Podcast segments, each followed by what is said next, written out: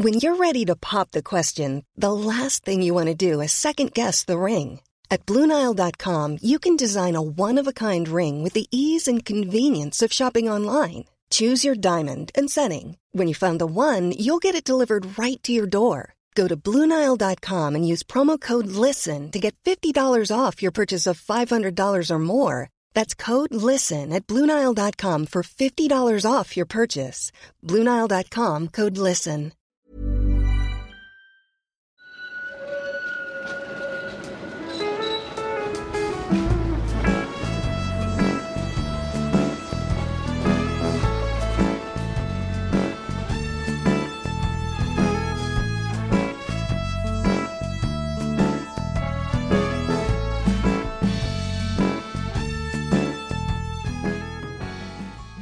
Välkomna igen till eh, Gator och torg i Göteborg. Jag eh, sitter här, inte ensam, men jag kommer till den andra personen strax, i ett väldigt eh, grått Göteborg nere vid Operan. Mm. Och så har jag som vanligt med mig eh, Mattias Axelsson. Du kan ju presentera dig själv lite grann. Göteborgskännare, någon form av expert på saker och ting. Idag eh, mest expert på platser som inte finns längre. Ja, För det är ju det som är vår sommarserie. ja, så vi ska alltså inte prata om Operan. Ja, vi kommer ju att nämna Operan, det är svårt Jo. att inte göra det med tanke på att vi sitter precis norr om Operan och tittar ut här över ett Göta älv som sakta rinner och den grå himlen som Ja. Men vad är det vi ska prata om idag? Vi ska prata då om den här platsen som inte finns längre där vi sitter, för en gång i tiden så hette ju den här platsen Sankt Eriks torg, så det är Sankt Eriks torg vi ska prata om. Och det här avsnittet är ju helt Patreon-exklusivt, eller inte helt Patreon-exklusivt. Ni som inte är månadsgivare på patreon.com snedstreck gator och torg i Göteborg, ni kommer få lyssna en liten stund i Mm. ungefär tio minuter. Och sen vet ni vad ni ska göra. Då går ni och klickar på länken som finns i avsnittsbeskrivningen, blir månadsgivare och får då tillgång till hela det här avsnittet samt Mm. alla andra Patreon-exklusiva avsnitt som finns Yes! på patreon.com snedstreck gator och torg i Göteborg. Och med en riktigt stor bonus så gör ni också, också oss väldigt glada. Ja, så är det. Så är det. Som sagt, vi ska ju prata om en plats som inte finns, och då är det väldigt intressant att ändå definiera vart den låg. Ja, alltså den låg ju ganska precis där vi sitter just nu, alltså vid Göteborgsoperan. Och tittar man på gamla kartor, den finns en karta från 1888 som är väldigt detaljerad, som jag ofta använder mig av när vi ska titta på platser som eh, fanns i slutet på 1800-talet, så kan man ju se att Sankt Eriks torg låg precis väster om Lilla Bommen, alltså i den nordligaste delen av Västra Nordstan, skulle man kunna säga. Och den här platsen, Sankt Eriks torg, den fanns då i mer än 100 år. Den finns benämnd första gången i mitten på 1800-talet och platsen försvinner någonstans på 1970-talet för det händer ju väldigt mycket i den här delen av staden. Man förändrar ganska mycket runt och kring i Nordstan. Men officiellt så försvinner platsen 1974 i och med att man gör ganska stora förändringar av stadsplanen. Och nu kommer vi ändå till den här frågan när jag pratar om lite heligt tema det här med Sankt Eriks torg och Sankt Eriksgatan. Vad, vad, hur kommer det sig att de får de namnen? Ja, Sankt Eriks torg har ju fått sitt namn, liksom då även Sankt Eriksgatan som ju fortfarande finns kvar. Sankt Eriksgatan den går ju precis där Östra Hamngatan slutar, så går den västerut eh, en bit. Men Sankt Eriks torg är borta. Och Sankt Eriks torg har ju fått sitt namn ifrån den gamla bastionen. Och då kommer vi tillbaka till det här med Göteborgs befästningar som vi pratade ganska länge om i avsnittet om Esperantoplatsen. Vi gick igenom eh, försvarsanläggningarna. Men det som är viktigt här det är ju att det finns bastioner runt omkring i Göteborg. Åt öster och söder så finns det fyra stora bastioner. Det är Johannes Rex, det är Carolus Rex, det är Gustavus Magnus, det är Johannes Dux och det är hertig Karl. Det blir fem bastioner inser jag när, när man räknar. Eh, Men så öster och söder, det är de eh, bastionerna. Men det här var ju latin typ, så vad, vad, översätt gärna. Johannes Rex, det är ju kung Johan, Ja. Johan den tredje. Mm. Carolus Rex, det är ju kung Karl, alltså Karl den nionde. Gustavus Magnus, Magnus det är den store, så Gustav den store. Och vem är Gustav den store? Mycket bra fråga, det kan jag inte i Det är huvudet. Gustav den andra Adolf, Gustav, givetvis. ja. Den Gustav den store. Ja, han var tyngre än alla andra. Det var nog faktiskt han var, han, var, han var tämligen fet, som jag, tror att det, som jag tror att det står någonstans. Och sen Johannes Dux och Carlos Dux, det är hertig Johan och hertig Karl. Och i avsnittet om Esperantoplatsen så pratade vi om de bastioner som låg vid Otterhällan, det vill säga Kristina Regina, regeringen, Hållgårdsbastionen och sen de tre uppe uppe på Otterhällan och det är de som fortfarande finns bevarade, nämligen Carolus rex, alltså från Karl den elfte och Carolus Gustavus rex som är Karl den tionde Gustav och sen ytterligare en Kristina Regina, nämligen drottning Kristina och därav namnet på drottning Kristinas jaktslott som vi pratade i avsnittet om Södra Liden. Regina, är, är, är det att regent då? Eller? Ja, en, en det är feminin feminin form, feminin form Yes. av regent, för drottning Kristina var ju regerande drottning. Ja. En av tre regerande drottningar. Vi får, vi får glömma bort henne. jag tänker inte fråga dig vilka som är de två andra regerande drottningarna. Det är Ulrika Eleonora och drottning den Margareta. hemliga frågan kommer sen, och är en annan helt enkelt. Ja. Härligt. Och slutligen så har vi de fem bastioner som vette åt själva älven, som alltså inte då låg längs med vallgraven. Och då är det Stora bomstationen, och, eller Stora bombastionen, som ju låg vid Stora bommen givetvis, Badstugebastionen, Sandbastionen, och sist men inte minst de som ligger rakt norrut, nämligen Gustavus Primus. Primus är ju den första, och den första Gustav, det var ju Gustav Vasa. Och äntligen kommer vi då fram till Sankt Erik. Mm. Och anledningen till att Sankt Eriks torg då hette Sankt Eriks torg, det var för att här låg bastionen Sankt Erik. Mm. Burrow is a furniture company known for timeless design and thoughtful construction and free shipping, and that extends to their outdoor collection. Their outdoor furniture is built to withstand the elements, featuring rust-proof stainless steel hardware, weather-ready teak, and quick-dry foam cushions. For Memorial Day, get 15% off your Burrow purchase at burrow.com slash ACAST and up to 25% off outdoor. That's up to 25% off outdoor furniture at burrow.com slash ACAST. When you're ready to pop the question, the last thing you want to do is second guess the ring.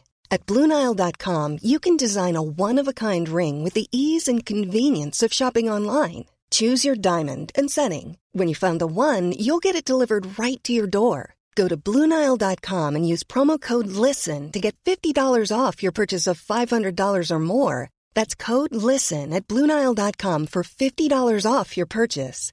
Bluenile.com code LISTEN.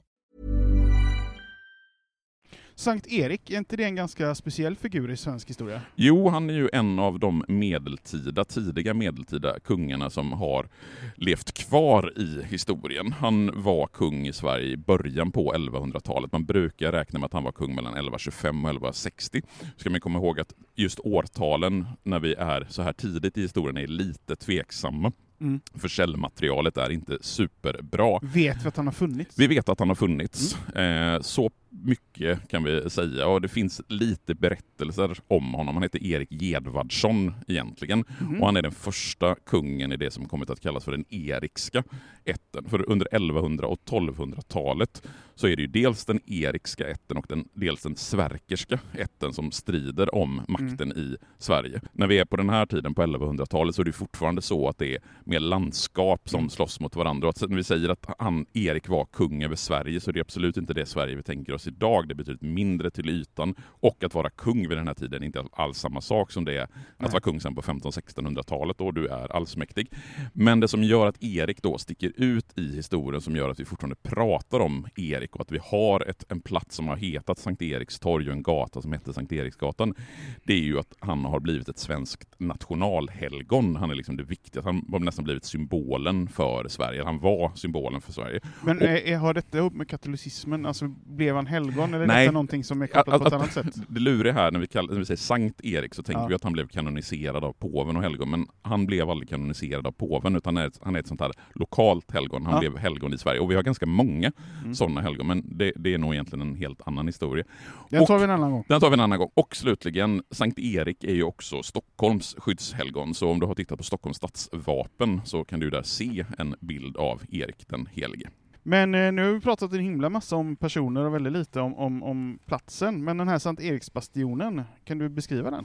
Ja, alltså det finns ju inga fotografier för den rivs ju i början på 1800-talet. Det finns en del målningar, men framförallt så finns det ganska mycket kartor från hur bastionen ska ha sett ut och hur området här omkring ska ha sett ut. Och då kan vi tänka oss att den norra delen av Kvarnberget eh, det är någonstans där vi utgår. Och sen precis norr om den norra delen av Kvarnberget så finns det en liten, en liten kulle, eller en liten knalle, som det beskrivs. Och mellan Kvarnberget och den här lilla kullen så finns det ett par förrådshus för ammunition med mera.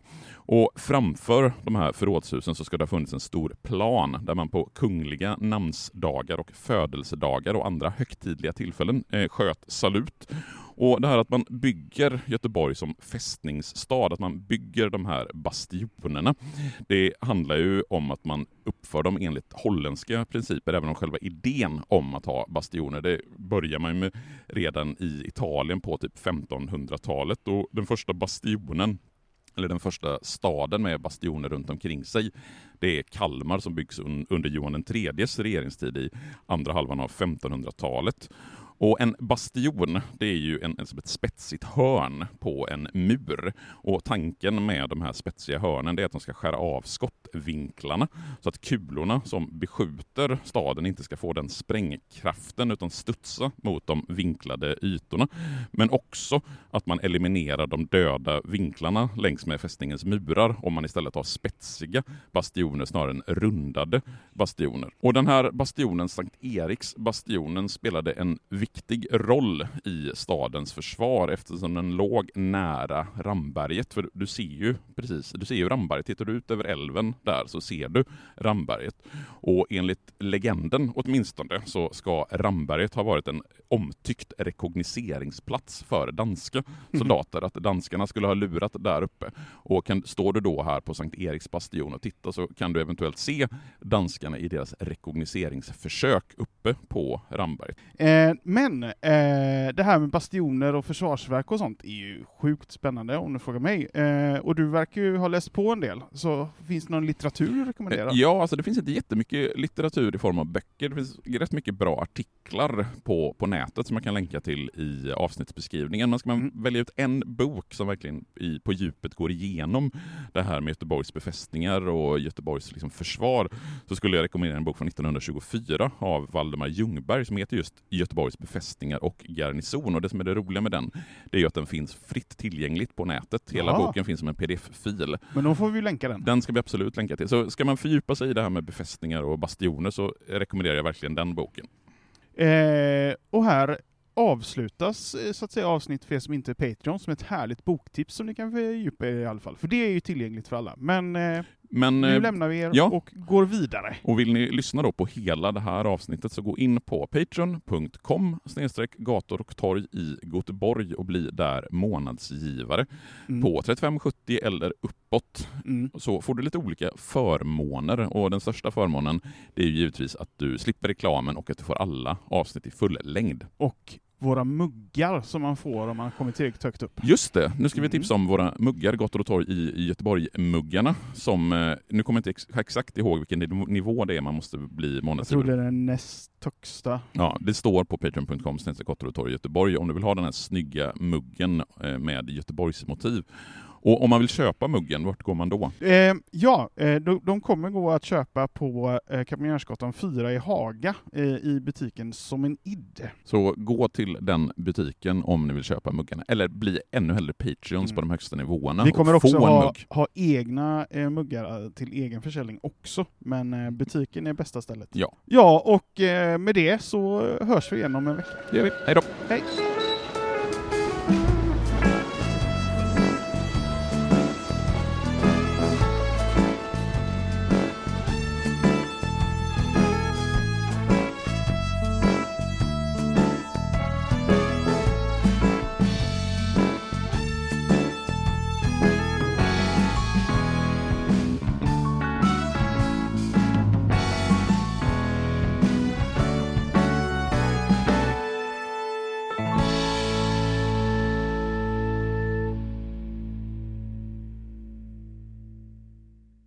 Gator och torg i Göteborg produceras av Reostat Media AB.